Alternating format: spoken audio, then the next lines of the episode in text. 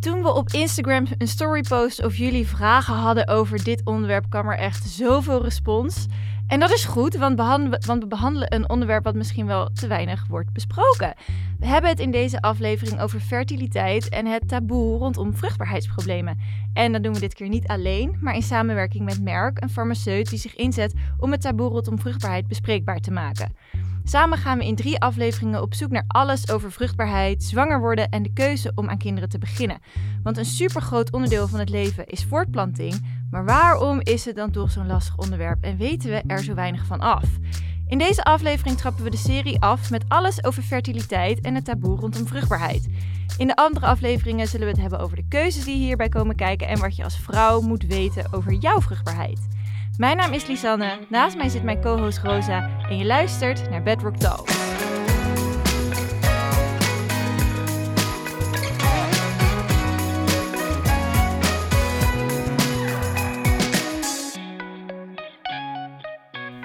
Yes, en in deze podcast gaan we het dus inderdaad hebben over fertiliteit, oftewel vruchtbaarheid en het taboe daaromheen. Want het klinkt best wel als vanzelfsprekend vruchtbaar zijn. Maar dat is het eigenlijk voor heel veel vrouwen en trouwens ook mannen helemaal niet.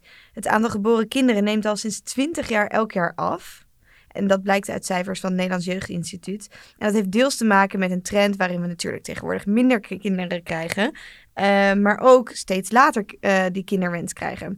We gaan natuurlijk eerst te reizen, we werken, we hebben drukke sociale levens. Dus die kinderwens die kan altijd nog wel even wachten. Zo als ik naar mezelf kijk, kan jij ook het horen. Hoogleraar voortplantingsgeneeskunde Bart Fouser die vertelde daarover aan de NOS.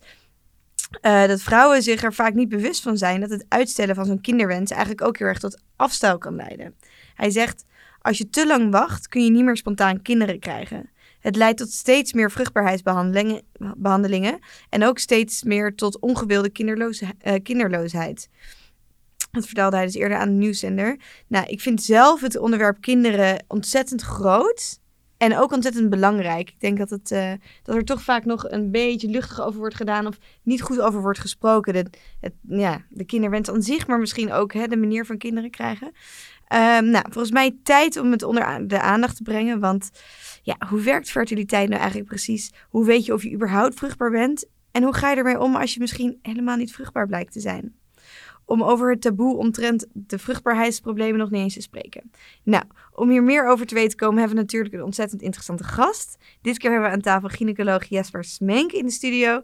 Jesper, leuk dat je er bent. Welkom. Dankjewel. Leuk hier te zijn. Ja, dat vinden wij ook. Uh, heel fijn dat je bij ons wil aanschrijven. Uh, allereerst ben ik even benieuwd um, wat jij als gynaecoloog met het onderwerp vruchtbaarheid te maken hebt. En welke rol speelt dat eigenlijk in jouw beroep? Nou, ik ben uh, inderdaad werkzaam als gynaecoloog in het Elisabeth Ziekenhuis te Tilburg. En daar ben ik hoofd, zoals dat dan zo mooi heet, van de IVF-afdeling. Dus ik ben dagdagelijks bezig met paren die kinderwens hebben. En waarbij dat niet direct lukt. En waarbij we dan samen met het team natuurlijk gaan kijken van wat is de beste oplossing voor dergelijke paren. maar ook lesbisch stellen tot en met alleengaanden. Die allemaal natuurlijk een kinderwens hebben. En dan vervolgens bij ons terechtkomen om daar over te hebben van wat kunnen wij daarin betekenen om die kans eventueel te vergroten. Um, dat is waar ik me dagelijks mee bezig hou. Uh, om, uh, voordat ik in die functie terecht kwam, heb ik wat promotieonderzoek gedaan. En ik heb me bezig gehouden met de psychologische aspecten van de vruchtbaarheid en het zwanger worden. Dus eigenlijk naast mijn werkzaamheden als gynaecoloog, en dat is nou ja, opereren, bevallingen, dat, dat soort dingen, is eigenlijk mijn hoofdmoot is met die vruchtbaarheid bezig zijn. Dus ik ben eigenlijk ja, net iets te veel tijd, maar met heel veel aandacht en liefde dagelijks bezig met vruchtbaarheid en vruchtbaarheidsissues. En wij werken in een eh, setting dat we ook heel veel kunnen aanbieden. Dus uh, ja, dat is mijn achtergrond waarom ik met vruchtbaarheid bezig ben. En waarom vind jij dat zo interessant? Ja, ik denk dat vruchtbaarheid iets is, uh, en daar hebben we het gelukkig vandaag ook over, wat uh, ja, op het moment dat het je betreft, is het een existentieel iets. Het is een moeilijk woord om te zeggen dat het gewoon je hele leven beheerst. En ik zie echt paren, en dan met name vrouwen, die echt hun hele ziel en zaligheid min of meer in, die, in, die, in dat moeder willen worden gooien. Dat is echt het, hetgeen waar ze dan soms al hun hele leven, maar in ieder geval de, de, de, de, de jaren vooraf voorafgaand aan, eh, aan het moment dat ze voor mij zitten, dat ze echt ja, tot tranen toe echt zeggen van ja, maar dit is wat ik wil, dokter. eigenlijk alles wat ik tot nu toe heb gedaan. En dan komen inderdaad de verhalen die je net ook al vertelde over wereldreizen, over mooie carrières, over fantastische partners. Alles komt langs. Maar vervolgens zeggen ze ja, maar wat ik echt wil, dokter, is moeder worden. En daar heb ik echt alles voor over. En, uh, en vervolgens kijken ze me doordringend aan en u gaat daarvoor zorgen. En dan wordt het soms wel eens lastig, want uh, ja, ik, uh, het, is mijn passie in mijn vak om dat te doen. maar ik kan niet toveren. Dus ik kan meedenken, ik kan proberen te verplaatsen en nadenken over alle mogelijkheden die er zijn. Maar ja, ik kan niet toveren, dus ik kan, ik kan niet ineens het onmogelijke wel mogelijk maken. En dat is wel eens, ja, Ehm, tevens het mooie, maar wel het moeilijke van mijn vak, dat je ook wel eens mensen moet teleurstellen. En um, op het moment dat ehm, ja, vrouwen hun hele leven, hun hele, alles wat ze zijn, ophangen aan het moeder willen worden en daarna voor een kind zorgen, en dat lukt niet, dan kun je je voorstellen dat dat een, uh, ja, een, uh, een verdrietig uh, gesprek wordt, waarbij de emoties nou ja, hoog oplopen. Maar dat is wel mooi aan mijn vak des te interessanter denk ik dat we met je praten nu. Want volgens mij is het dus ook een onderwerp waar niet super veel over wordt gesproken. We noemden het zelf al eventjes een taboe. Um, Lies, net voor de opname zei je al van... Je ziet altijd, hè, je hoort verhalen van... Oh yes, weer een kindje erbij. Of er is weer een baby geboren. Maar vaak het traject daarvoor afgaand... Daar hoor je eigenlijk heel vaak niet over. Terwijl we dus um, nou ja, steeds minder kinderen krijgen. Dus uh, interessant om te weten hoe, uh, wat er allemaal voor, vooraf kan gaan. Um, om te beginnen hebben we altijd een mini-quiz. Dus dat is een soort uh, dinsdag uh, dilemma concept. Dus ik leg je drie stellingen voor. Antwoord gewoon op je intuïtie en dan kunnen we ze daarna wat uitgebreider bespreken. Kom erop. Oké. Nummer 1. Liever jong kinderen krijgen, dus ongeveer begin 20, of wat ouder aan kinderen beginnen, ongeveer midden tot eind 30. Jong. 2. Aan de natuur overlaten of bemoeien met vruchtbaarheid? Aan de natuur overlaten. 3 wat is het grootste taboe rondom vruchtbaarheid? Um,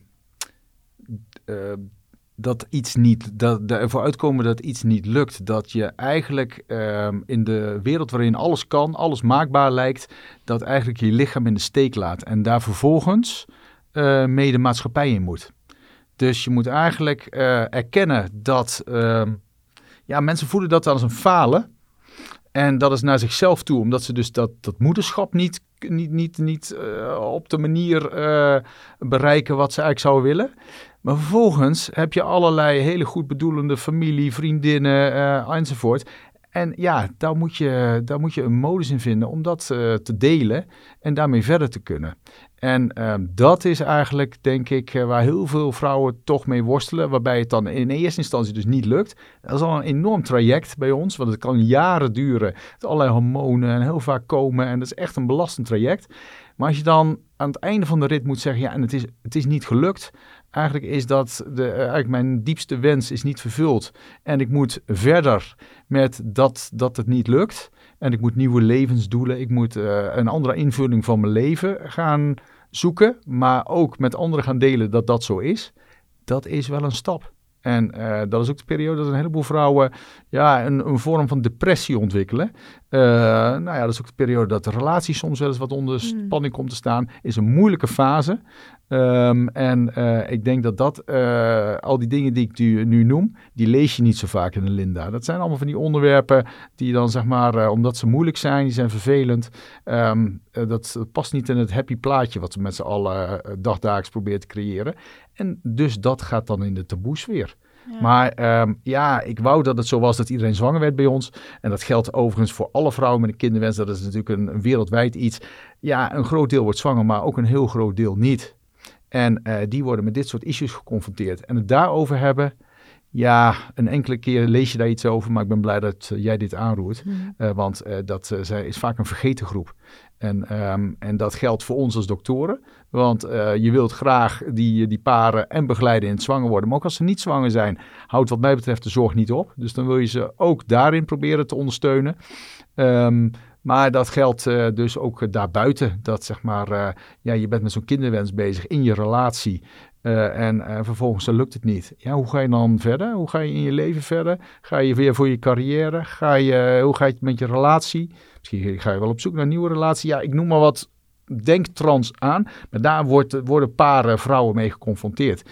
En daar zie je buiten gewoon weinig van. Ja, dus jij merkt dat eigenlijk ook van de mensen die bij jou komen, dat dat ja, het heeft misschien ook met een soort verwachting te maken van hè, de mensen denken van, oh ja, dat is dus maakbaar. Dus ook misschien mijn vruchtbaarheid of mijn zwangerschap.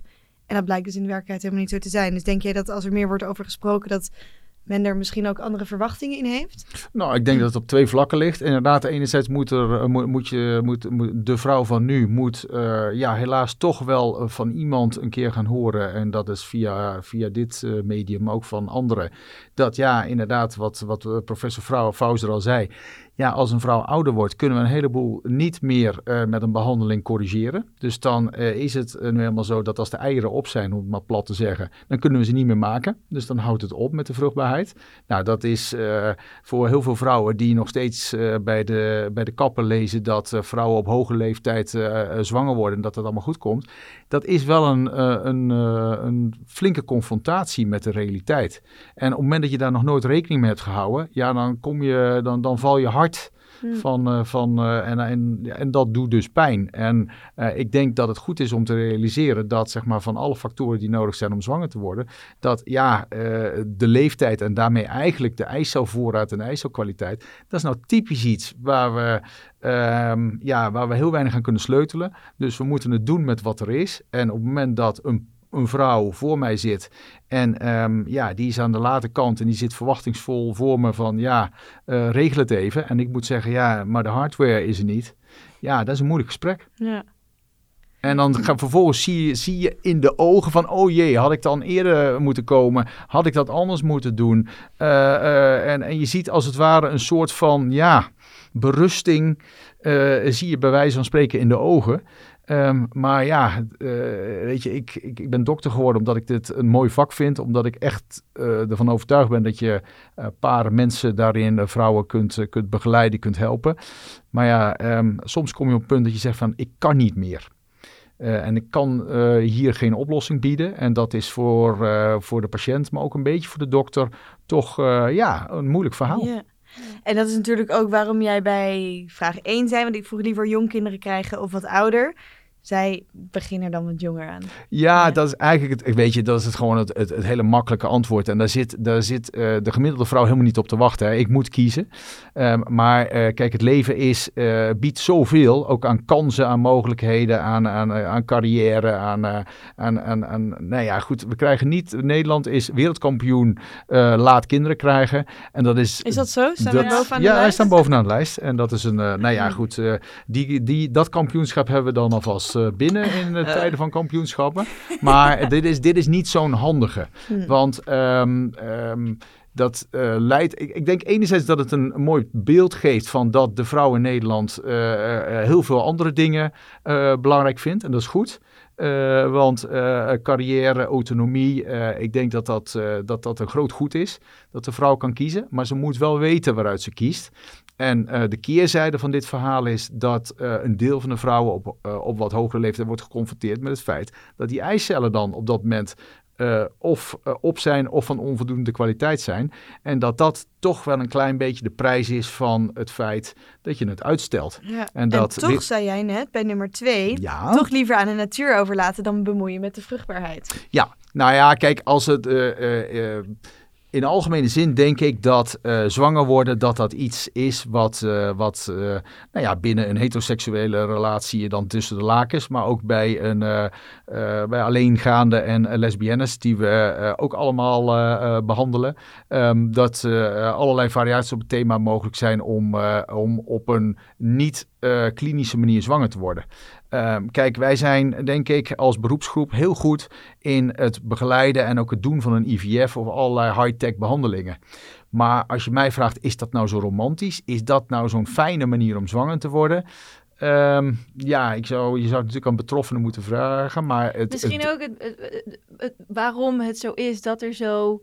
Uh, omdat het niet romantisch is, waarom mensen er niet zo graag over spreken.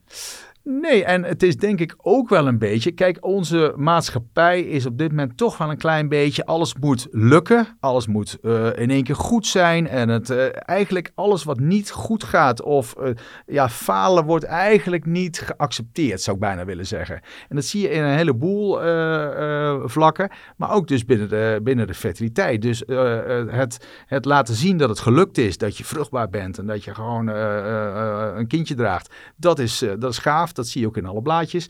Maar uh, iets wat niet goed gaat, iets wat uh, uh, ja, een, een, lichamelijk falen, dan om maar heel cru te stellen. Ja, dat is iets wat, waar we het niet over hebben, wat ook niet terugkomt in de media. En, um, en op het moment dat we het er niet over hebben, dan lijkt het er ook niet te zijn. En, um, en op het moment dat dat beeld wordt gecreëerd, ja, wordt het ook steeds moeilijker om het erover te hebben. Want uh, in, in, in een meidenclub, in een uh, vriendinnenclub of uh, et, et, cetera. Ja, heel veel vrouwen zitten bij me en zeggen van ja, met u durf ik het erover te hebben. Want ik zie om me heen allemaal vriendinnen, ja, die worden zwanger. En, en die, die, die zijn met, weet ik veel wat, kleedjes aan het uitzoeken. Of, of allemaal heel leuk, lief en aardig. Maar vervolgens het erover hebben, ja, maar het lukt niet zo. En het, ligt het aan mijn partner, ligt het aan mij. Ik vind eigenlijk, ik, ik, ik, weet het eigenlijk niet, ik word er heel onzeker van. Mensen gesprek... schamen zich ervoor. Ja, en dat Terwijl gesprek... dus eigenlijk niet nodig is omdat het vaker voorkomt. Het komt heel vaak voor. En, dat weet uh, men niet. Ja, voor mij dagdagelijks. Uh, en ik ben blij ja. dat ik even hier zit, want uh, het is een leuk uitje. Maar nee, het is, het is iets wat juist doordat vrouwen in Nederland hun kinderwens zo uitstellen is dus zo dat, uh, dat, dat daardoor het zwanger worden minder makkelijk verloopt. Dus dan moet je eigenlijk meer geduld hebben. Je moet eigenlijk meer tijd nemen om zwanger te worden. Nou is geduld niet een goede eigenschap van de mensheid in algemene zin. Dus die vrouwen zitten bij me en zeggen, ja weet je, ik ben al, uh, nou noem eens wat, ik ben al zoveel maanden of uh, enzovoort bezig. Het lukt niet. Bij me, in mijn omgeving, bij iedereen wordt zwanger. En ik niet. En ja, en dan zeggen ze van vervolgens van ja, maar ik durf het er met u wel over te hebben. Want hier buiten, ja, het lijkt alsof het bij iedereen patsboom lukt. En uh, ja, ik vind het heel moeilijk om dat met anderen te bespreken. En wat, wat zijn die cijfers? Heb je, kan je iets zeggen over bij zoveel, zoveel procent lukt het niet of wel? Nou, één op de. Ik denk dat je het kan afronden. Bij één op de zes paren in Nederland lukt het niet zomaar. Ja. Dus um, en. Um, dat is best flink. Dus, dus. ja, is dat, is dat veel? Is dat weinig? Maar goed, ja, als je een dobbelsteen gooit, uh, dan, is, uh, dan is dat dus. Uh, van alle paren is dat er één. En. Um, ik denk dat uh, ik word uh, wat grijzer. Dat, uh, dat kun je niet zien via een podcast. maar maar dat betekent dat ik al wat langer rondloop. En ik heb niet de indruk dat het minder wordt. En dat is dus in het verlengde van het feit dat je ziet dat vrouwen toch steeds meer hun kinderwens blijven uitstellen.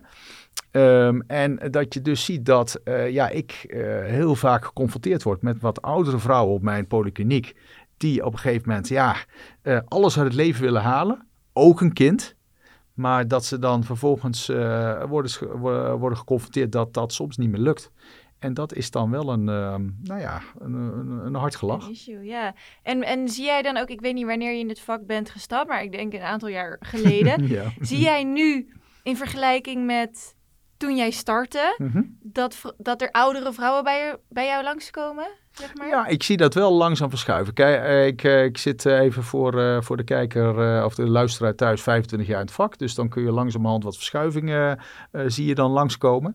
En uh, naast een oudere vrouw zie ik een andere ontwikkeling. Dat is met de recente Hongarije-discussie ook wel heel mooi. Ik ben ook heel blij dat wij toenemend lesbische paren zien. En ook alleengaande vrouwen zien. Die om welke reden dan ook even liever zelf alleen een kind op de wereld zetten. Dan, dan hals over kop met een waar ze die eigenlijk niet mee zien zitten. Dus de, al dat soort kinderwens is ook erbij gekomen. En uh, dat, was, dat taboe was, ik zou zeggen, enkele decennia geleden nog groter. En uh, ik ben heel blij dat we nu een klimaat hebben, zowel uh, in Nederland, maar ook in algemene zin, dat we gewoon dergelijke paren, alleengaande vrouwen kunnen begeleiden, dat die die ook komen. Dus die vraag zie je ook toenemen, want het feit dat we het erover kunnen hebben, het feit dat we dat kunnen aanbieden, geeft ook aan dat vrouwen met, die misschien vroeger dachten van ja, nou goed, het is, ik, ik heb even geen partner, het zal wel en laat dan maar even. Om welke reden dan ook. En dat ze nu gewoon bij ons zitten. En dat, dat is echt ook enorm toegenomen de laatste decennia. Maar van de heteroseksuele paren, ja, als ik daar iets over moet zeggen, die zijn allemaal over het algemeen ouder geworden. Geldt voor mannen en vrouwen. Nou hebben mannen het relatieve geluk dat die tot op hogere leeftijd uh, zaad blijven produceren. Uh, Pablo Picasso 75 toen hij nog een kindje kreeg. Um, maar niet dat ik dat wil propageren. Maar um, ja, bij vrouwen is die biologische klok gewoon op een gegeven moment stopt hij ermee. En dat maakt dat je zegt van ja naast dat wereldkampioen oud kinderen krijgen, zou het mooi zijn dat de vrouwen die dit, um, nou ja, die dit op die, die, dat moederschap uh, na verloop van tijd toch op de agenda hebben, uh, dat die daar tijdig over na gaan denken. En wat, is, wat zou de ideale leeftijd zijn? Wanneer ben je als vrouw het meest vruchtbaar? Nou, het meest vruchtbaar ben je op je negentiende. En uh, ik snap oh. heel goed dat je dan op een gegeven moment zegt van... luister weet je, ik ben er nog eventjes helemaal niet aan toe. En ik, heb, uh, ik ben uh, net met mijn school bezig en met andere dingen bezig. Alleen, um, als je op je negentiende heel vruchtbaar bent... wil dat ook niet zeggen dat je dan meteen kinderen moet krijgen. Kijk, um, eigenlijk kort samengevat, tot je dertigste is het eigenlijk best wel oké. Okay. Er zijn altijd uitzonderingen met allerlei uh, families met, met vervroegd in de overgang komen. Dus het is altijd lastig om over groepen te spreken. En er zijn altijd uitzonderingen op. Maar in algemene zin, tot je dertigste zit je gewoon veilig. Vanaf je dertigste begint het echt wel af te nemen. En, uh, en dan uh, zie je dus dat op een gegeven moment doordat... Het de, af te nemen, dan hebben we over... Over de vruchtbaarheid. Ja. En dat is eigenlijk de kans uh, ik, gewoon heel plastisch, de kans dat je, het, uh, dat je het doet. En of je dan geïnsemineerd wordt als, als lesbische vrouw. Of dat je thuis in de slaapkamer tussen de lakens kruipt. De kans dat je op dat moment patsboom zwanger wordt, die neemt gewoon af naar je dertigste. Ja. En richting je 35ste, even als je dat afrondt, is op je 35ste de kans dat het patsboom lukt ongeveer de helft van op je 25ste. Oké. En dan zeg je van, ja god, wat, uh, wat, wat wil dat zeggen? Maar als je twee keer zo weinig kans hebt, dan moet je soms twee keer zo lang oefenen. Ja, dus dat is het ook. Als je maar lang genoeg oefent, dan op een ja, moment ja. kom je alleen, terug op het... Alleen lang genoeg oefenen, uh, dat moet je dan wel uh, min of meer voor openstaan. Want uh, wij willen met z'n allen nou, met z'n allen is misschien wat overdreven, maar controle is ook iets wat we met z'n allen fijn vinden. Dus in de maakbare wereld kopen we vruchtbaarheidstesten. We gaan uh, allerlei dingen doen die onze vruchtbaarheid zouden kunnen beïnvloeden. We kopen nog wat uh, bij, bij het kruidvat of wat dan ook nog wat vitaminepreparaten waar uh, die zogenaamd je vruchtbaarheid beter maken. Dan ga je testen wanneer je het meest vruchtbaar bent. En dan zorg je ervoor als vrouw althans dat, dat je partner stopt met, met drinken en roken. En dat levert thuis nog wat discussie op, maar dan heb je mij eigenlijk zover dat hij zeg maar ook op zijn lifestyle uh, wat, uh, wat doet. En hij stopt met al die, die lange tochten op de wielrenfiets. Maar dat is ook allemaal niet goed. Nou, en al die dingen samen maken dan dat je zegt, ja, maar nu hebben we er alles aan gedaan. En dus, patsboom, moeten we zwanger worden. En toen viel het tegen. Dan heb je er zoveel aan gedaan, zoveel aan gedaan. En uh, de lekkere chardonnaytjes met de vriendinnen heb je laten staan. En dus mag je zwanger worden. En dan lukt het niet. En dat is wanneer die vrouwen zeggen: Ja, ik heb er nu echt voor mijn gevoel alles aan gedaan. Het lukt niet. En mijn geduld is op, dokter. Regel het even voor me. Die zitten voor me. Ja, precies. En waarom is dat, denk je, ook zo dat mensen steeds later kinderen willen? Nou, ik denk dat steeds later kinderen willen zegt iets over uh, wat ik al zeg. Uh, dat kun je negatief uitleggen, maar ik leg het eigenlijk heel positief uit. Uh, we hebben gewoon zo ontzettend veel leuke dingen die we met z'n allen op dit moment kunnen doen. Zoveel, ja, ik noem het dan even voor het gemak prikkels dat, we, uh, dat je zegt van ja, god, het leven heeft zoveel te bieden. En um, uh, het is, denk ik wel zo dat met kind of kinderen dat er heel veel dingen nog mogelijk zijn. Maar ja, het, het, het, geeft wel een iets andere invulling van je leven. En op het moment dat je het hebt over nou ja, carrièrevorming in combinatie met wereldreizen en dan vervolgens nog wat persoonlijke ontwikkeling op andere vlakken. Al die combinaties samen, in hoeverre daar een kind al er niet bij past. Ja, dat vind ik echt een persoonlijke keuze dan mag, uh, moet iedereen, iedere vrouw moet daar natuurlijk vanuit haar eigen perspectief daar keuzes in maken. Uh, maar ik denk wel dat, er op, dat het goed is om op een gegeven moment een tegengeluid te laten horen dat, uh, dat, het, zo dat het niet per se zo hoeft te zijn dat je uh, eerst vol voor je carrière gaat en, uh, en, en nog een management traineeship vervolgens gaat doen en dan via allerlei moeilijke wereldreizen, et cetera, um, alles gedaan moet hebben omdat het erbij hoort. En dan tegen de tijd dat dat er allemaal op zit, nog eens gaat nadenken over kinderen. Want nogmaals, dan is het soms te laat. Ja. Is het ook niet zo dat we misschien niet zo heel goed weten hoe het precies werkt? Want wat is fertiliteit precies? Hoe... Hoe Ja. werkt vruchtbaarheid? En hoe weet je of je vruchtbaar bent? Ja, ja dat zijn, eh, dat zijn eh, eh, nou, dat is, mijn, dat is mijn dagelijks vak, maar dat is niet eens zo makkelijk. Want kijk, hoe weet je nou of je vruchtbaar bent? Eigenlijk weet je pas of je vruchtbaar bent als je zwanger bent. Als je het Maar- gaat proberen. En, Ja, en een heleboel vrouwen zeggen van ja, maar weet je, dat is eigenlijk helemaal niet wat, wat, wat ik wil eigenlijk, ik wil eigenlijk gewoon weten of ik tijd heb. Ik wil eigenlijk weten eh, eh, hoe ik dat een beetje kan plannen. Maar nu zwanger worden, dat staat eigenlijk eh, nu eh, even niet op de agenda. Want ik heb wel een leuke vriend, maar dan moet ik nog even, eh, ik moet, we moeten er nog samen even uitkomen of we samen de rest van ons leven gaan, gaan invullen, om het maar romantisch te stellen. Dus dat zitten nog wat overwegingen bij. En, ehm, en ben je nou vruchtbaar op het moment dat je een cyclus hebt? Nou, dan weet je in ieder geval dat je een ijsprong hebt. Ehm, en dat is al wel een belangrijke En dat is- aanwijzing. Ook alleen als je niet aan de pil zit. Nou ja, daar gaan we al. De heleboel vrouwen Precies. die zitten natuurlijk, die willen gewoon hun leven plannen. Willen ook niet van een of andere kerel afhankelijk zijn eh, die al dan niet zijn condoom goed, eh, goed eh, omdoet.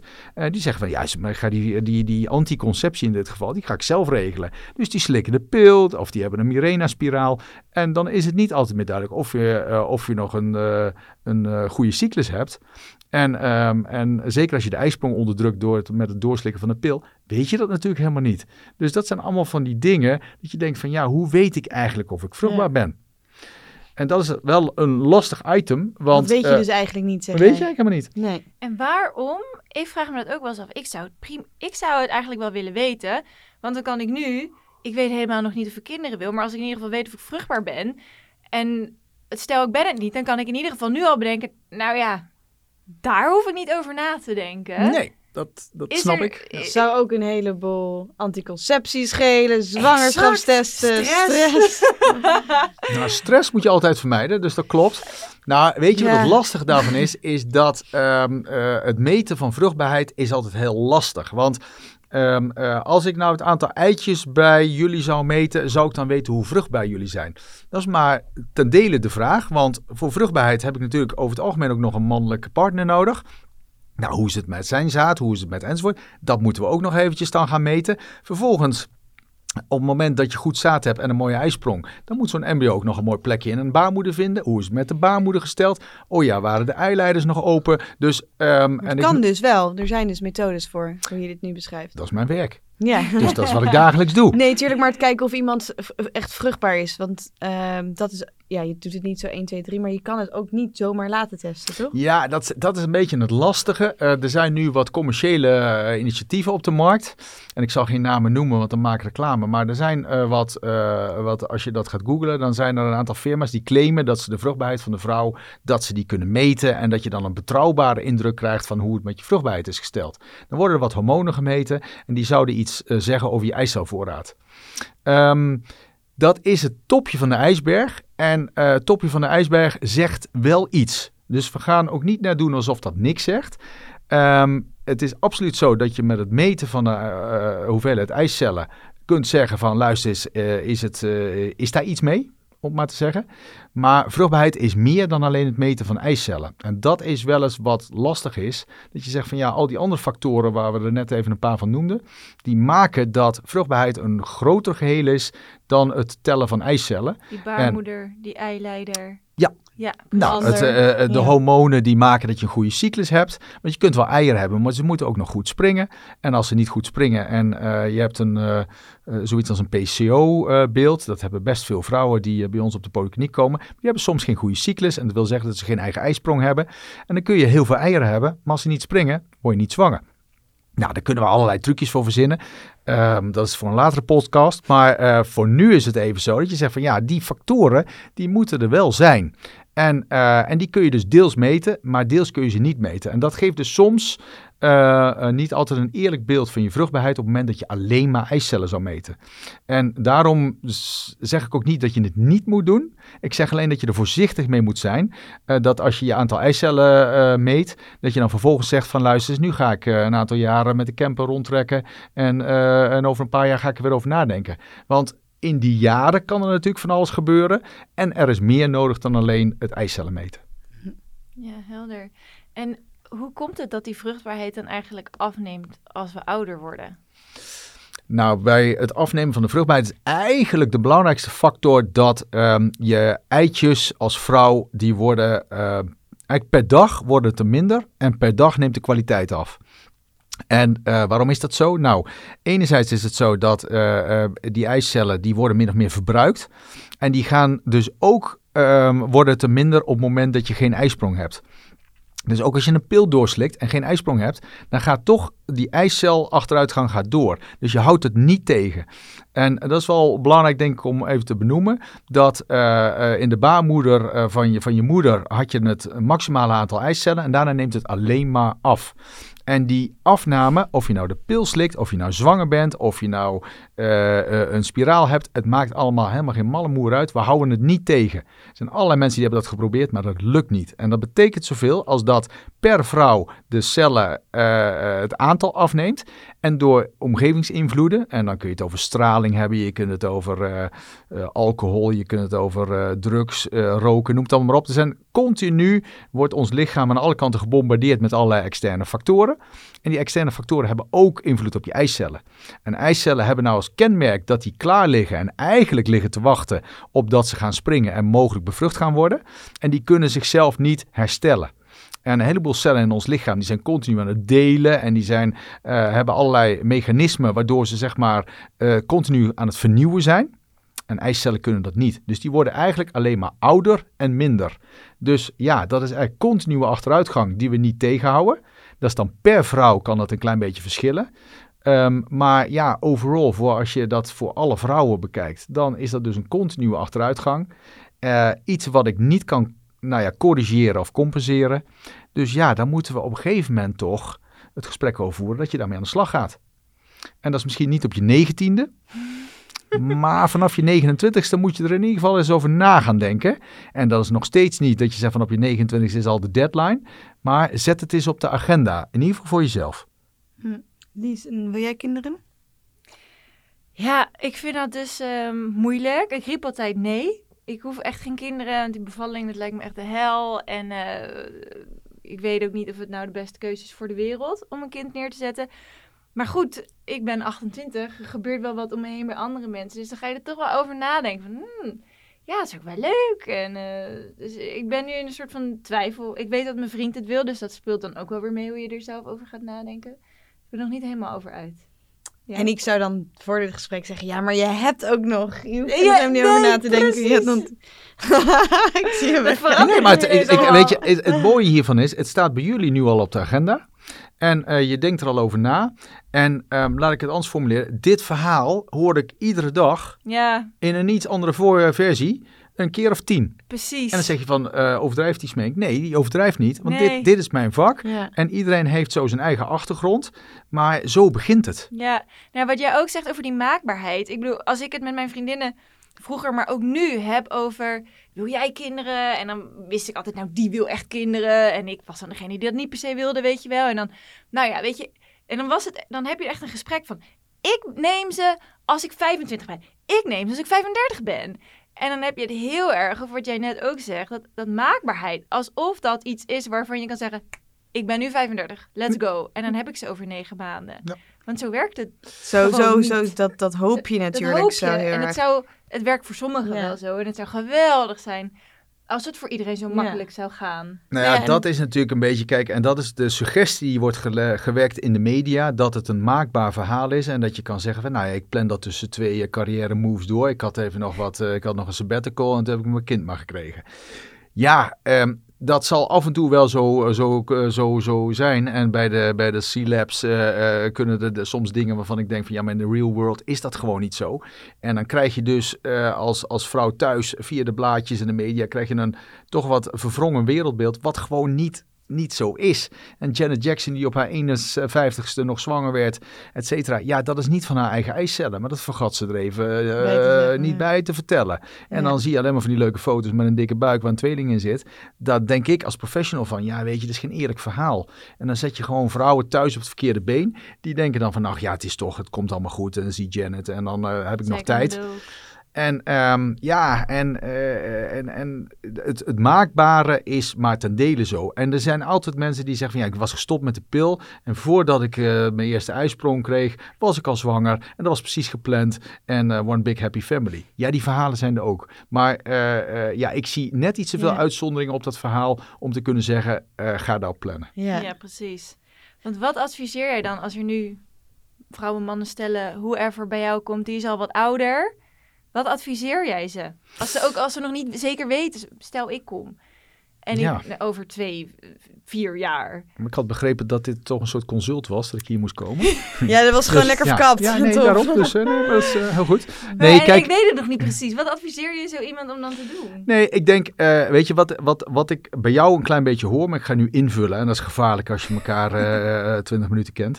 Ehm, nee, wat ik hoor is dat dat zaadje nu wel eh, een beetje langzaam is gaan groeien. En eh, heel veel vrouwen die bij mij zitten, die zeggen ook heel eerlijk, het- dat vind ik wel mooi, zeg maar, luister, vroeger was die kinderwens heel niet aan de orde. Ik had zoveel leuke dingen. Een, bij wijze van een hockeycarrière en vervolgens eh, ben ik eh, op school en toen zat ik eh, bij, bij een leuk bedrijf en heel veel vrienden, et cetera al die verhalen lijken op elkaar. En, en het, het hockey werd, werd een Olympische sportcarrière. En de ander die was heel goed met et cetera. Nou, vul het in hè.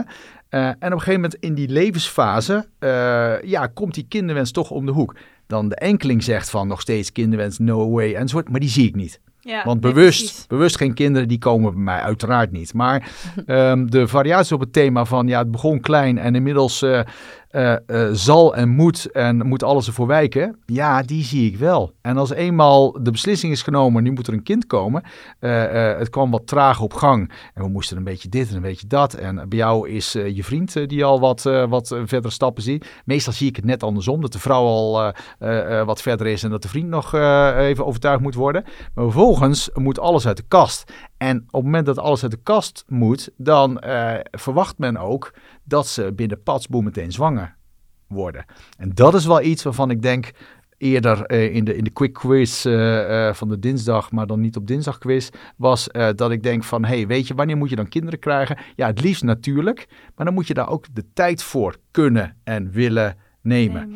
En dat is dus niet op het niveau dat je denkt van... hé, hey, eh, eh, we hadden gisteren besloten dat we zwanger worden. Vandaag eh, hebben we eh, wereldkundig gemaakt dat het moet gebeuren... en morgen zijn we zwanger. En als dat niet lukt, zitten we overmorgen bij Smeenk... want die moet het voor ons gaan fixen. En dat is wel wat Dat ik vaak zie. ja. Ja. precies. Hey, en zijn er nou ook, je, je leest natuurlijk van alles en je hoort van alles, eh, dingen die jouw vruchtbaarheid bevorderen? Van voeding tot bepaalde sporten, tot bepaalde kruiden. Je had al dingen over de kruidvat, maar je hebt natuurlijk ook, eh, ja, misschien is er wel bepaalde voeding of iets wat, wat ja, je, zwangerschap vergroot misschien. Of de, de kans dat je zwanger wordt. Nou, ik denk in algemene zin, maar dat is ook een beetje persoonlijke mening. Ik denk dat een eh, gezond lijf en een gezonde geest en eh, daarmee een vergrote kans op zwangerschap, dat dat wel een beetje samengaat. Mm. Dus op het moment dat jij, Dat eh, klinkt een beetje populair, maar op het moment dat jij lekker in je vel zit, dat helpt wel. En, ehm, en dat is dus dat je gewoon, eh, eh, nou ja, niet, niet, niet eh, te veel stress hebt, maar ook nadenkt over hoe, hoe zit het met lifestyle factoren, wat zijn de factoren die van invloed zijn op, op mijn vruchtbaarheid. En dat is natuurlijk het bekende niet roken, niet drinken, uiteraard geen, geen, geen drugs en soortgelijke. Eh, maar andersom kun je ook zeggen van wat kan ik dan doen naast het vermijden van eh, verkeerde leefstijlfactoren? Wat kan ik doen om mijn leefstijl gewoon te, te verbeteren? Nou, dat is eh, onder andere zie ik dat je goed in, in, de, in de watervoorziening zit. Nee, gewoon goed op je lichaam letten. En, en ge- gezond, een gezonde BMI is daar denk ik een hele mooie ver, vorm van. Ik zie ook topsporters, die hebben een hele lage BMI, die rennen marathons, maar hebben dan vervolgens geen cyclus meer. Eh, maar ja, dat is wel de uitzondering. Ik zie vaker wat eh, vrouwen die eh, ja, net iets hoger in hun BMI zitten. En we weten dat de BMI eh, ehm, vanaf hoog in de 20, dat dat absoluut van invloed is op je kans om zwanger te worden. Ehm, en daarnaast geeft het meer risico's tijdens een bevalling. Dus het zijn allemaal dingen waar je echt zelf iets aan kan doen. En daar hoort dan vervolgens ook gezond bewegen en gewoon nou ja, gezonde dingen doen bij. Ehm, de illusie dat jij naar, eh, naar een andere winkel dan het kruidvat dan, naar DA gaat of enzovoort, of via Dat het internet, of via het internet eh, iets bestelt van luister eens, ik heb nu een pil en die maakt mij zwanger. Zo is het natuurlijk niet. Ja, je moet op je vitamines letten, foliumzuur, vitamine D, uh, maar er is geen vruchtbaarheidspil. Ik heb liever dat vrouwen op een goede manier nadenken over hun leefstijlfactoren. En er zijn ook hele goede apps voor om je daarin te ondersteunen. Zoals? Um, nou ja, wij hebben, dus uh, fijn dat je, leuk dat je naar vraagt. We hebben een leuke app uh, oh. ontwikkeld. en uh, en, en die heet Verticoach en die houdt hier een beetje rekening okay. mee. En dat leefstijlfactoren zijn namelijk best moeilijk.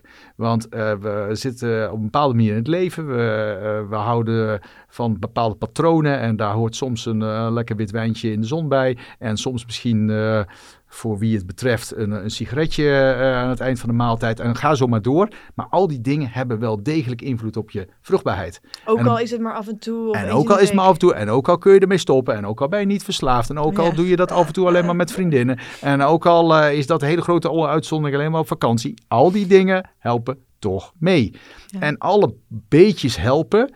En dat is altijd wel als, we, als, als ik met een paar rond de tafel zit en we gaan samen nadenken over hoe gaan we nou die toekomst uh, aanvliegen. Hoe gaan we optimaal die kansen benutten zonder meteen alle hormonen van stal te halen en IVF te doen. Dan is dit een wezenlijk onderdeel daarvan. Dan zeg van ook de kleine beetjes helpen ook in dit geval. En laten we zowel op deze vlakken de negatieve factoren vermijden, positieve benadrukken, kijken waar we punten kunnen scoren. En dan ervoor zorgen dat zeg maar alles samen ervoor zorgt dat de kans met name dus eerst natuurlijk en dus thuis geoptimaliseerd wordt. Ja. ik denk dat ik weet wat je gaat zeggen, maar ga maar. Oké, okay, ik, ik vroeg me dan af, want volgens onderzoek is de spermakwaliteit van de westerse man de afgelopen jaren ook enorm gedaald, met 60% heb ik gelezen. Heeft dat dus ook te maken met al die factoren die jij net noemde? Dat dat zaken zijn waarbij, waarbij we nu meer drinken, meer roken dan, dan vroeger? Nou, ik denk dat, kijk, um, uh, bij sperma is het voordeel, dat is um, uh, vrij makkelijk te meten. Kijk, zo'n man moet een potje inleveren, maar goed, dat is allemaal niet zo moeilijk als, als eicellen controleren. En um, uh, het onderzoek naar sperma laat, denk ik, uh, de voorbije decennia zien dat dat inderdaad is afgenomen. Ik denk dat dat gewoon een feit is. En vervolgens weten we natuurlijk niet helemaal 100% zeker waar dat door komt. Maar er zijn natuurlijk wel een heleboel redenen te verzinnen waarom dat zaad achteruit gaat. En, en dat heeft met, met name dus ook weer lifestyle factoren te maken. Nou heb ik gelukkig de indruk dat het roken op zijn retour is. Uh, maar uh, er zijn natuurlijk wel, die studies zijn nog ietsje ouder. En die laten zien dat met name dus uh, een relatie is met, nou ja, roken, drinken is natuurlijk bekend. Maar goed, ook heel veel koffie, stress, zijn allemaal van die factoren. en ik zei net even gekscherend die man op de wielrennerfiets. Maar ja, is, wel, is toch wel een ding. Het klinkt altijd ook wel gezond om op zondagochtend eventjes een paar uurtjes door het bos te gaan raggen heel lekker. Maar als je op zo'n klein zadeltje um, het, uh, het, het, het, mannelijk deel van het verhaal continu in een hoekje aan het duwen bent, ja, dat vinden die zaadcellen ook niet altijd fijn. Mm. Als voorbeeld. Maar uh, ook uh, lekker heel erg um, ja, verantwoord langdurig in een sauna zitten met met, met allerlei mooie plingelplangel op de achtergrond, daar wordt je zaad ook niet beter van. Dus, in, in, in verband met hitte? Of? Ja. Oké. Okay. Ja. En dat geldt dan ook voor extreme kou? Of dat is niet per se? Ja, je moet uh, ook niet gaan naar ijs. Uh, uh, Geen Wim? Kijk, kijk gewoon even een klein stukje. We gingen ook wat, wat kleine stukjes fysiologie doen. Hè. Kijk, bij de man hangen die testikels buiten het lichaam. Omdat de ideale temperatuur om zaad aan te maken, die ligt net iets onder de, de lichaamstemperatuur. En net iets onder de lichaamstemperatuur, 1, 2 graden, is ideaal. Ga je dan vervolgens die testikels tegen het lichaam aanduwen, dan wordt het relatief te warm. En dan wordt die, wordt die uh, zaadproductie minder goed. Nou, dat is in een sauna zo. zo. Maar ook uh, een vrachtwagenchauffeur die de hele dag uh, nou, zit en et cetera. Maar goed, de moderne variant daarvan, en dat heeft misschien wat meer betrekking op die zaadkwaliteit, is gewoon de man die de hele dag op, op, op kantoor zit met een laptop op zijn schoot. Mm, yeah. Dat is natuurlijk de, de, de metroman die, die de hele dag zit. Uh, af en toe op en neer gaat naar het koffiezetapparaat of koffieautomaat, toen dat nog kon, pre-corona. Maar dat heeft allemaal invloed Hmm. op die zaadkwaliteit. En dus ook als je één keer in de maand naar de sauna gaat, gewoon elke nee, keer wat je... kijk, kijk, weet je, al die dingen. Uh, en um, uh, het, je moet het zien dat de extreme maken dat het van invloed is. En uh, even een, een, uurtje, anderhalf uur ontspannen in de sauna, et cetera. Daar gaat niet ineens je zaadproductie van onderuit. Maar je hebt ze van die types, die hebben zo'n ding aan huis gebouwd. En die, zitten, en die zitten gewoon iedere dag een paar uur. Ja. Of die gaan eh, eh, aan het eind van hun eh, toch al stressvolle dag, gaan ze nog twee, drie uur in een warm bad liggen, omdat het zo lekker ontspant. Dat zal zo zijn voor je spieren, maar niet voor je zaadcellen. Ja. Kijk, en dat weten veel mensen natuurlijk. Nee, nee, dit is voor mij ook wel een... eh Dus die no vriend van jou, die moet af en toe gewoon niet in bad, gewoon Niet op die wielrenfiets blijkbaar. ik zal Niet zo lang. Nee, Niet zo lang. Ja, daar, nooit. daar, daar, daar heb ik het gedaan. Maar eh, lekker fietsen. Maar eh, nou ja, je snapt wat ik bedoel. De Ja. extremen die... eh, en zaad is typisch iets dat is heel gevoelig voor omgevingsfactoren. Een man die eh, kortdurend een griepje heeft gehad of koorts heeft gehad, dat zie je meteen dat die zaadproductie enorm daaronder te lijden heeft. Dus eh, ik denk een hele goede Hm. indicator van dat ja, de vruchtbaarheid ja, toch wel door omgevingsfactoren, en dat is net iets meer dan alleen roken, drinken en de bekende factoren, heel erg beïnvloed kan worden. Ja. En je had het net al even over IVF. Maar wat als het niet lukt? Wat, wat is er dan? Wat kan je dan als vrouw en als man? Ja, daar kan ik eh, nog twee podcasts over volkletsen. Maar laten we het Even proberen samen te vatten. Ehm, kijk, als het niet lukt. Kijk, het begint natuurlijk dat ieder verhaal eh, individueel eh, anders is. En eh, het gaat natuurlijk niet om de grote groep. Er zit een paar voor me en dan ga je meedenken. En er is een reden waarom ze voor me zitten. Daar gaat een voorgeschiedenis aan vooraf. Eh, daar zijn de factoren die we net bespraken eh, eh, met, met, met leefstijl eh, do- do- hebben een invloed. En vervolgens moet je tot een plan komen. En het kan best zijn dat je zegt van nou, eh, eh, we gaan helemaal niet over die leefstijl. Want dat is al geprobeerd. Mensen zijn al honderd jaar bij de diëtist geweest. En die, op het moment dat je, dat je het over eh, stoppen met roken hebt, dan schieten ze in de tranen. En soms zijn daar geen punten te scoren. Maar ik vind het altijd wel belangrijk om het te proberen. En ook met, met medicijnen of met een coach te kijken of je daar wel voortgang kan boeken. Maar soms kom je erop uit dat dat niet lukt. En ook met die paren moet je vervolgens zeggen, maar luister, hoe kunnen we dan toch eh, proberen die kans te vergroten. Ja, dan kom je in, onze, eh, in ons behandelingsarsenaal terecht. En of je het dan over inseminaties, IVF hebt, eh, ja, daar kan ik natuurlijk veel over vertellen. Maar ieder zo met hun eigen voor, nadelen, kansen. Ehm, en ehm, ja, dat, dat is eigenlijk per paar moet je dus de inschatting maken. Wat past nou bij een dergelijk paar? En dat is ook Ja. al hoe lang ze bezig zijn. Of je op andere vlakken nog iets kan doen.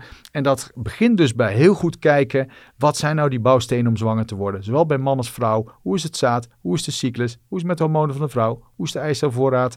Andere hormonen, eh, doet de schildklier het goed? Nou, kortom, kort samengevat, je maakt eerst een plaatje van het hele verhaal, hoe het nu is. Dan neem je natuurlijk mee met eh, hoe je daar gekomen bent. En dan is ieder verhaal weer uniek. En ik vind het altijd, ja, toch weer eh, fascinerend om met mensen mee te mogen denken. Die leggen hun hele hebben en houden, een hele Ja. levensverhaal bij je neer. En die zeggen van ja, en dan, eh, eh, weet je, en dan al die taboes die we net bespraken, ja, die gelden misschien in de vriendinnenclub of enzovoort. En bij mij leggen ze alles op tafel. Oh, mooi. En ja, dat, dat, dat is mooi. Ook wel een beetje, ik een Triest beetje ook. triest en ook wel een beetje verantwoordelijkheidsgevoel. Ik van, van, oh god, ja, als die mensen dit allemaal zo zeggen, dan, ja, dan, je voelt die druk wel toenemen. Ehm, maar goed, vervolgens dat je denkt van, ja, met dit verhaal, eh, eh, en dat is dan het voordeel van grijs zijn, dat je dan wel wat ervaring hebt en goed kan meedenken en kan kiezen uit de mogelijkheden die er zijn. En ja, er zijn veel mogelijkheden, maar dan kom ik toch altijd op dat ik niet kan toveren en niet alles kan. Ja, en ehm, toch kom ik dan ook weer dat ik denk, oké, wat jij zegt inderdaad, bij mij gooien ze alles op tafel en dan kan ik het over praten, maar met vriendinnen doen ze dat niet. Ja. Ergens denk ik, waarom schamen we ons daar zo voor? Want het is toch mooi dat wij dit nu kunnen allemaal. Dat als het niet natuurlijk kan, dat er toch nog een kans is. Dus hoe fijn, hoe fijn. Snap je wat ik bedoel? Nou ja, nee. Kijk, het is fijn dat we heel veel kunnen. En eh, eh, misschien is een voorbeeldje daarvan ook wel dat, ehm, dat, dat, dat vrouwen, ehm, nou ja, eh, net even in de dertig dan, en die hadden die leuke vriend die misschien een kind wilde, maar dat is toch allemaal anders gelopen in het leven. Denken dan vervolgens, ja, maar hoe zit het nou in de toekomst? Misschien moet ik voor de toekomst alvast wat ijscellen gaan invriezen. Want ik heb nog Oh, zoveel plannen eh, binnen mijn carrière. Eh, ik, ik kom daar even niet aan toe. Ik zie het ook even niet zitten, al die keels. Ik heb het wel even gehad. Maar ik wil toch voor de toekomst alvast een soort verzekering afsluiten. Die zie ik ook toenemend. Mhm. Dat wij ijscellen alvast in de vriezer leggen voor later. Soort verzekering. En een verzekering heeft als kenmerk dat je daar eigenlijk geen gebruik van wil maken. Maar soms is het toch handig om te hebben. Ehm, nou, dat is eigenlijk een soort uitingsvorm dat, eh, eh, dat, dat we er wel mee bezig zijn. uh, het er misschien dan niet over willen hebben, dat ook best moeilijk vinden. En, en dat zijn vaak vrouwen die in hun omgeving uh, en of dat dan een, uh, een, korfbalvereniging of een dispuut is, dat, dat maakt niet uit. Maar die zien dan om zich heen vrouwen die al wel daarmee bezig zijn, soms ook al zwanger worden. Die gaan er toch op de een of andere manier zelf over nadenken, het er niet over hebben. Vind ik dan ook altijd zo fascinerend. Dus er wordt in algemene zin over gekletst uh, enzovoort. maar hun eigen verhaal komt daar niet naar voren. En vervolgens zegt ze, ja, ik kom nou net van zo'n reunie van, mijn, van mijn middelbare school. En eh, ik zag daar twee waren zwanger, eh, twee hadden al een kind. En toen dacht ik bij mezelf, ja, maar hoe zit het eigenlijk bij mij? En toen ging ze het bij mij erover hebben. En kan dat? Kan je dus je eicellen laten invriezen en is de kans dan even groot dat je dan, als je weer bij jou aanklopt, uh, zwanger raakt? Verzekeringen zijn altijd second best. Die zijn, uh, daar ga je altijd dingen repareren die op een andere manier beter waren geweest. Dus de kans is kleiner, bedoel je daarmee? De kans is kleiner. En je moet een IVF-behandeling ondergaan om eicellen in te vriezen. Okay. En vervolgens die eicellen, dan moet je dan ook wel een, uh, even een leuk, uh, leuke zaadprovider uh, voor verzinnen. Nou, dan kun je donor via het buitenland, van alles mogelijk hè. maar ik zie dat toch altijd als niet eerste keus en die vrouwen zeggen dat ook. Als je het aan mij vraagt, ben ik eigenlijk op zoek naar een leuke kerel of een leuke vrouw om samen uh, uh, of alleen gaat, wat mij betreft. Dat je zegt van, nou weet je, ik, ik ben prima zo, maar nu nog even niet. En op termijn zou ik dat het liefst, nou ja, misschien toch wel met een partner samen een gezin vormen. Maar mocht dat nou niet zijn, mocht ik, mocht ik bijvoorbeeld die leuke partner op latere leeftijd pas, pas vinden, op het moment dat mijn eicellen niet meer voldoende of afdoende zijn, dan heb ik iets in de vriezer liggen bij jou. En dat geeft mij, en nu komt eigenlijk denk ik de essentie van heel veel vrouwen, dat geeft mij nu zo'n rust. Dat geeft mij zo'n vrijheid tussen aanhalingstekens. Dat ik niet de hele tijd bij al die meetings met die vriendinnen enzovoort uh, uh, op de bank zit en denk van oh god en ik dan. En ik zie ze allemaal om me heen en help, help, help. Uh, een hele confrontatie met de hele tijd dat in hun ogen dat, ja, dat, dat inmiddels bedreigende kinderwensgevoel. Ik ben er nog niet aan toe, maar op termijn wel. Hoe kan ik nou iets doen om daar toch iets mee te doen. Zonder nu meteen proberen zwanger te worden. Klinkt en dat is best als een oké optie zo in de. ja, alleen eh, kost die geld en moet je een IVF ondergaan. Dus ja, en IVF best wel wat geld volgens mij. Nou ja, per poging dat je dat doet, dat je eicellen gaat invriezen, moet je rekenen op dat je dus uh, dat je een IVF-poging ondergaat. En als je de medicijnen plus de techniek en het invriezen allemaal bij elkaar optelt, zit je zo toch op 3.500, 4.000 euro per keer. Nou, dat is wel echt geld. En hoe vaak moet je dat doen? Nou, dat hangt een beetje vanaf hoeveel eicellen je wilt. En, uh, en um, over het algemeen um, mikken wij toch wel bij dit soort behandelingen op, uh, nou ik zou zeggen, uh, meer dan 10 richting 20 eicellen. En daar zijn soms één, maar vaak ook twee pogingen voor nodig. Hm. Ja. Nou, dan reken uit wat dat dan als investering ja. met zich meebrengt. Ja. En wat ik soms ook denk als we het hier zo uitgebreid over hebben, van als je het zo erg probeert en het zo graag wil laten lukken, misschien als het gewoon je op die manier niet gegund is, zouden we ons daar misschien ook wat, ja, zou het misschien handig zijn voor jezelf om je daarbij neer te leggen in plaats van er heel hard tegen te stribbelen en misschien, uh, nou ja, en, en, op een andere manier zingeving te vinden of op een andere manier uh, voor kinderen te zorgen. Als ja, absoluut. Absoluut. Zie ik ook veel hoor. Het zoals een hele harde strijd die je misschien op een gegeven moment niet kan winnen. Dus ja, wat heb je dan nog? Nou ja, dat, dat, dat, dat, daar zie je verschillende type mensen in. Het zijn inderdaad de, de, de vrouwen die, um, die blijven knokken. En dat zijn de vrouwen die ook zich er niet bij neer kunnen leggen. En die willen nog een poging, nog een poging. En uh, tegen beter weten in, terwijl de dokter al zegt... je moet echt stoppen, dit heeft geen zin meer. Nog een poging. En als u het niet doet, ga ik naar het buitenland. Oh, uh, ja. Dat type uh, vrouw die eigenlijk um, die confrontatie misschien wel probeert uit de weg te gaan... met dat het niet lukt. Mm -hmm. Maar ook uh, vrouwen die, uh, die op een gegeven moment zeggen van ja, ik heb er voor mijn gevoel echt alles aan gedaan. Ik heb er vrede mee dat het niet lukt. En uh, dan um, ja, daarmee inderdaad, wat je terecht aangeeft, andere levensdoelen gaan nastreven. Uh, en uh, ja, dat is natuurlijk voor iedereen verschillend. Maar een deel daarvan uh, heeft bijvoorbeeld via adoptie of in het kinderondersteuningswerk, nou ja, crisisopvang van kinderen, um, dat ze daarin dingen zijn gaan doen. Dus op, dat ze op een andere manier daar invulling aan gaan geven. Um, ja, is heel wisselend. Ja. En dat zijn natuurlijk ook de verschillen. Ehm, eh, hoe je daarmee omgaat. En ja, een nieuwe invulling, dat klinkt wel makkelijk. Maar nogmaals, als je eenmaal helemaal voor die kinderwens was gegaan. eh, en dat is voor, eh, nou ja, de dames die nog niet in die kinderwens zitten, altijd wat lastig voor te stellen. Nee, bij mij komen ze echt binnen, echt, echt, ja, weet je, alles moet ervoor wijken. Ja. Tot en met een relatie aan toe. ja. En zijn er nu, vandaag de dag, meer vruchtbaarheidsproblemen dan jaren geleden?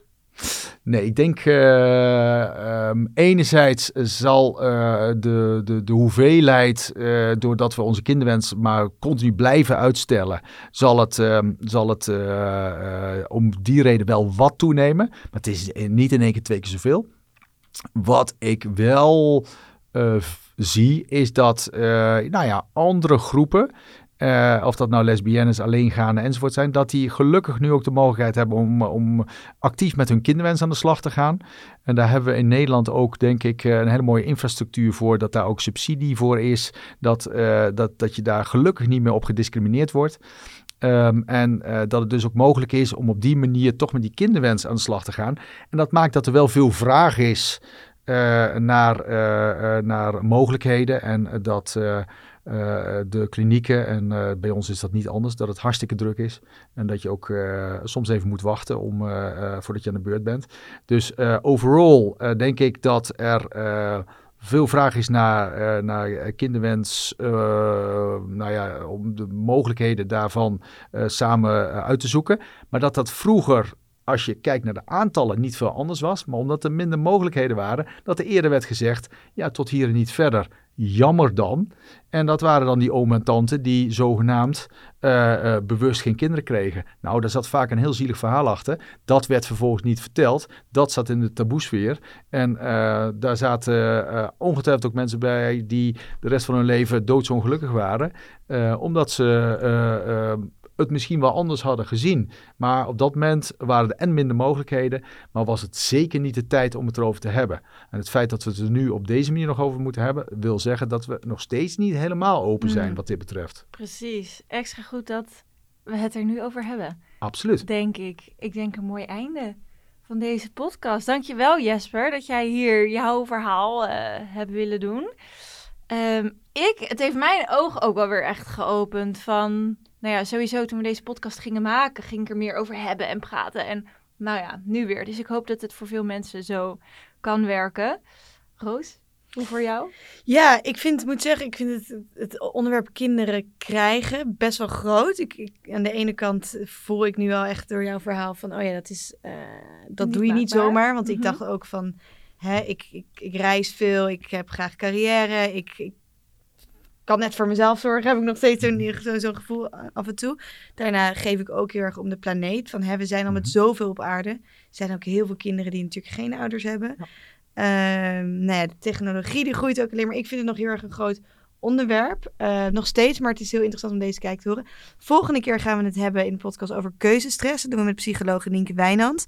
Eh, dus dan gaan we dieper in op eh, ja, hoe kies je nou en nou ja, eh, dat hele psychologische onderwerp. Dus luisteraar, bedankt voor het luisteren. Jasper, bedankt voor naar de Graag studio komen.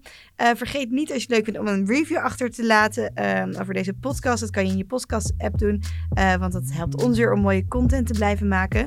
En heb je nog vragen, dan kan je dat altijd eh, doen via onze Instagram, bijvoorbeeld via Bedrock Magazine. Of je kan een mail sturen naar info.bedrock.nl.